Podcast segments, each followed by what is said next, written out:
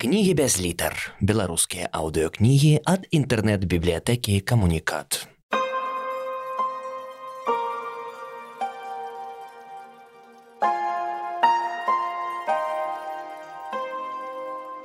Андрей Федоренко «Дикий лух» Раздел третий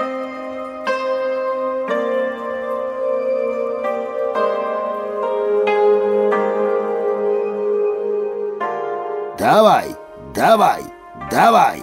Подгоняе кулініч, калі бачыць, што хто прыстаў, ці спыніўся выцерці пот, ці касаня так ходзіць у руках, або занадта марудна падымаецца на пагорак. Ніжай, ніжай, ніжай! Пакрыквае ён, калі няма да чаго прычапіцца. У роце яго паблісквае залаты цыганскі зуб, давно докураная потухлая беломорына прилипла до губы. Сам ён худы, скура кости ды мускулы, таких звычайна ніякая ўтома не бярэ. Лясніцкая фуражка з зялёным аколышам зухавата ссунута на бок, з-пад брыля вылазіць чорны чуб з белымі павуцінкамі сівізны. З халявы звешваецца раменьчык мянташкі. Яму ўжо за сорок, але ён толькі нядаўна у мінулым годзе ажаніўся. Узяў не са сваёй вёскі, а ажно з Махнавіч, таксама праўда не маладую, затое якую ўдалую.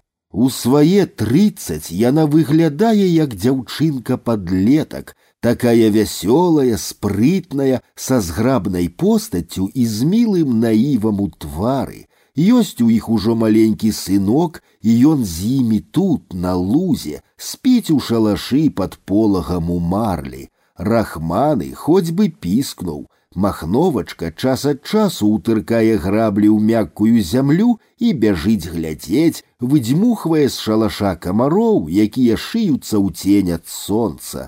Яна сама ўся як сонца, усё ёй у навіну, і яе роля замужняй кабеты і маладой маці і клапатлівай гаспадыні.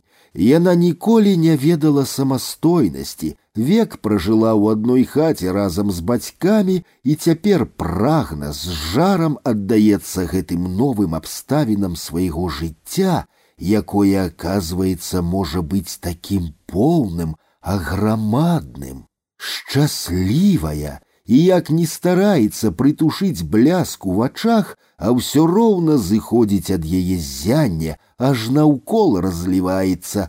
Толькі гляньце, людзі, якой я умею быць. І хіба што зрэдку, як воблачка на сонца, набягае на твар вінаватасць, за тое, што ёй пашанцавала і нават лёгкі спалох, а возьме ды здарыцца нешта, і знікне так раптоўна зваленае на яе шчасце. Кулініч да жаніцьбы быў ціхі спакойны чалавек, дабрачы, як яго малодшы брат Пятро характарызуе, працаваў у лясніцтве, за парубкі дужа не ганяў. Наадварот, калі натыкаўся ў лесе на свежы пень, дык закрываў мохам і прытоптываў тырсу. Толькі калі ўжо зусім нахабна проста на вуліцы звальвалі машыну крадзеных дроў, дык папярэджваў, каб схавалі на задворкі ды не шморгалі двухручкаю, а яго кулініча з бензапілою пазвалі. Ніколі не браў ні грошай, ні магарычоў. Аддасі які дзень. Буркаў, што значыла, каб баба памагла жаць, ці бульбу скапаць, ці памалаціць, ці сечкі нарэзаць, ці капусты ўвосень нашаткаваць. Прычым, як некаторыя з усходніх палішукоў, ён не змякчаў цэ, і ў яго гучала капац, рэзац, шаткавац. Удачлівы паляўнічы ён часта прыносіў з лесу то зайца, то лісу, а бывала глушца ці цірука, адзін раз нават янота. Да яго ў хату знарок прыходзілі падзівіцца, кивали головами, цмокали языкамі і так і не верылі, што здабыча з іхняга лесу. Мясцовы люд, вякамі жывучы ў сваіх лясах і балотах, па большасці нецікаўны, флору і фауну ведае слаба, Звычка бачыць вакол сябе адно і тое ж прытупляе ўвагу. Ім лягчэй поверыць, што ў дальніх ставах жыве нешта, вогненным шарам гарыць і пужае, чым у сапраўдныя рэальныя рэчы у тое, што под носам. Не, то не ў нас, у нас не водзіцца, у нас бедненько, куды з'ездзіў, але ж ён не скажа. Гэта праўда, ён немнагаслоўны быў. Нават калі збіраліся зімою мужчыны выпіць, у карты пагуляць, выпіваў крышку, сядзеў маўчком, глядзеў, як іншыя гуляюць, сам адмахваўся. Ай, яны сняцца ўночы. Варта ж было чалавеку ажаніцца, як яго падмянілі, задраў кулініч нос, набраў у галаву, што ён ужо немавед хто, пачаў вылазіць наперад, умешвацца ў размовы, перабіваць, нават камандаваць, як і цяпер на лузе, толькі чуваць: давай, давай і ніжай, ніжай. Зрэшты, ніхто не крыўдуе, самі зацікаўлены, каб зрабіць лепш, бо будзе ж праверка, прыедуць чужыя людзі, убачаць абы якую пакошу, скажуць брак.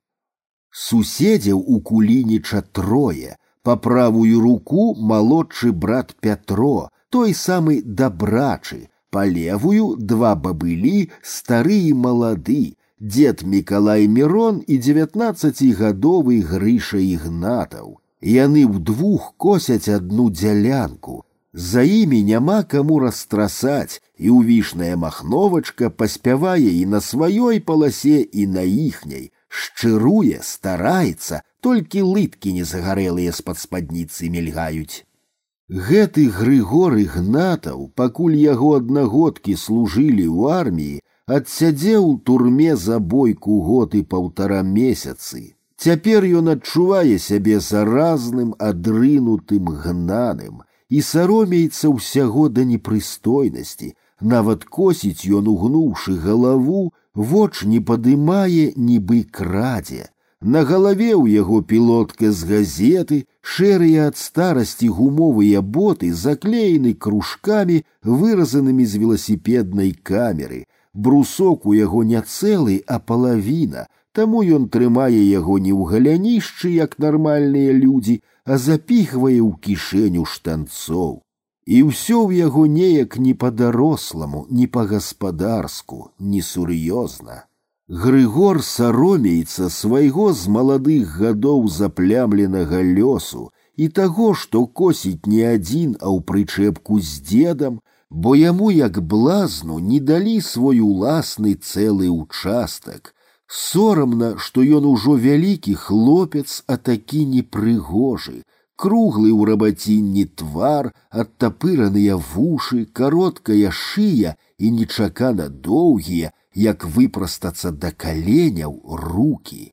Да ўсяго ж ён сын сапраўднага ведзьмака, Яго бацька ігнат быў аграмаднага росту мужчына з барадой да пояса, зімой і летам хадзіў босы і толькі ў белым, як здань. Большую частку жыцця пражыў адзін у лесе у зямлянцы, зімаваў ледзь не разам з мядзведзямі ў адным бярлогу, ведаў мову звяроў, птушак, дрэў, Вядома ж, што бяроза і асіна по-рознаму шапацяць лісткамі под ветрам, а калі паміраў, тры дні і тры ночы не мог адысці, пакуль не здагадаліся засланку ў печы зняць, дзверцы ў грубе адчыніць і юшкі паадкрываць. Тады толькі ў коміне загуло быццам у сталі плавільнай домне, і дух яго адляцеў. Грыша, сынок, не ляці так, ты ж старога зацягаў. Просіць махновачка. Пятро са сваёй паласы таксама падае голас.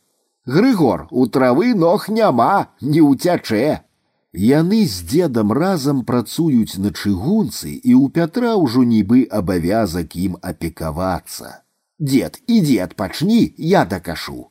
А я не ўтаміўся, Маладым голасам бадзёра адказвае Мікалай Мірон. дзе ў чалавека імя, дзе прозвішча не разбярэш, і яго завуць хто мікалаем, хто міронам, як языку зручней. Яму семьдесят гадоў, узяты ён не так касіць, колькі на падхват, дзе падгрэбсці з бабамі, дзе касу памагчы падладзіць. Аднак пакуль дзед ні ў чым не саступае маладому, на два грыгоравых махі ён робіць адзін, а інтэрвал паміж імі не скарачаецца. Прытым ён паспявае яшчэ перыядычна піць соду ад пякоткі, якую ён называе жога спыніцца, дастане пакуначак з газеты, высыпле ў жменю, зап'е вадой з салдацкай біклашкі.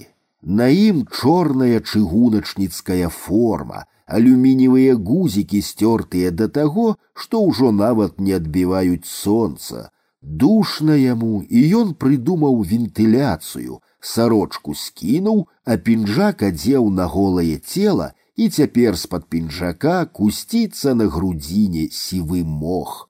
І сам ён падобны на сівы пень, бываюць у лесе такія пні, стары, але яшчэ моцны. Летняе сонца і зімовы мароз выпарылі з яго вільгаць, вятры высушылі, адпаліравалі, і зрабіўся ён цвёрды, як жалеза, стаіць і будзе стаяць невядома колькі часу, перажыўшы і сваіх спарахнелых суродзічаў і хілы маладняк. Дед, папі яшчэ соды, не ўнімаецца Пятро. Я дакажу за цябе, памагу. А ты ўсім памажы, раіць ззаду Пятрова жонка валя. Ідзі яшчэ брату памажы, яго забыў, пасля ідзі яшчэ цюрэмшчыку памажы.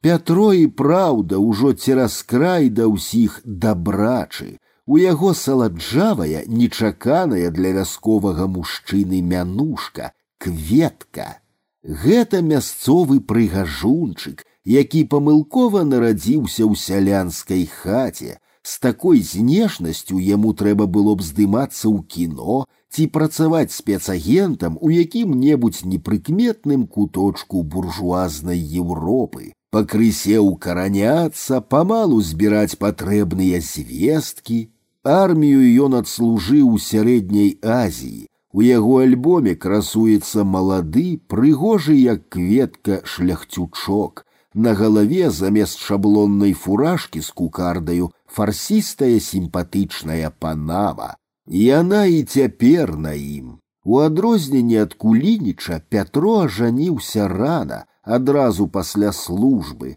узяў старэйшую за сябе на пяць гадоў валю, гэтую самую, што цяпер, працуючы ззаду граблямі, бурчыць пад нос не сціхае. Хоць пражылі яны ўжо колькі часу трое дзяцей дзяўчынак у іх, вера, надзея і чатырохгадовая любка, а ладу не было і няма паміж імі. Справа ў тым, што Пятро горкі п'яніца, валя яго слабасць тлумачыць так. Канечне, ён прыгожы, кветка, а яна не прыгожая. Ён малады, а яна выматаная дзецьмі старая. Ён добры, асабліва да чужых, а яна паганая. З іншага боку і Пятроў даўгу не застаецца, Ён ніколі не заве жонку па імені, а толькі моя. Ты маёй не бачыў? У п'янага у яго звычка швэндацца па чужых хатах і расказваць, як валя яго на сабе сілком жаніла. Каб моя тады не зацягнула на сябе, дык я б, можа, на машыніста пайшоў вучыцца. Яго няздзейсненая запаветная мара ездзіць далёка на цягніку, глядзець новыя мясціны, знаёміцца з рознымі цікавымі людзьмі. І пах цеплавознага вугальку. Замест гэтага ён, як прыйшоў з арміі, так вось ужо дзесяць гадоў у мазутнай спяцоўцы разам з пенсіянерам Мікалаем Міронам гайкі на чыгунцы круціць, мяняе рэйкі і шпалы, а калі міма праносіцца хуткасны, Пятро толькі пазірае ўслед, прытрымліваючы ад ветру панаму. П'янаму валя помсціць яму езуіцкім спосабам. Увечары выграбае ўсе грошы з кішэняў, а раніцай не дае пахмяліцца. І толькі калі бачыць, як яму кепска, ёй самой робіцца весялей, мякчэй на душы. Баліць? ласкава зларадна пытае яна. Хай пабаліць, а не бадзяйся па хатах, а не кажы, што ў цябе жонка паганая. Табе трэба той дзед, бурчыць валя. Табе трэба той тюрэмшчык, табе трэба чужыя людзі, у цябе свая сям'я, трое дзяцей, хата, жонка. Замест адказу Пятро выцірае панамай мокрую шыю і глядзіць на сонца. Яго русыя валасы кольцамі прыліплі да лоба, а на подбородку подсыхае мутная кропля. О, пячэ, як у барханах! І праўда, даўно полудзень, часцей звонкае шорганне брускоў і мянташак аб стальное палатно. Вельмі гучна стракочуць конікі, сытыя буслы то адзін, то другі закідваюць галовы на спіны і клякочуць. Ад сонца ў вачах на зялёнай траве белыя плямы. Усё абалонь, прыпяць, затока, пракосы бачыцца не акрэслена, а праз дрогкую смугу. Жоўта-чорныя сляпні віюцца над людзьмі роем, ад паху людскога поту яны адурэлі да таго, што некаторы сядае на касаўё ці грабільна, і растапырыўшы ад экстазу крыльцы, упіваецца замест цела ў гарачае дрэва.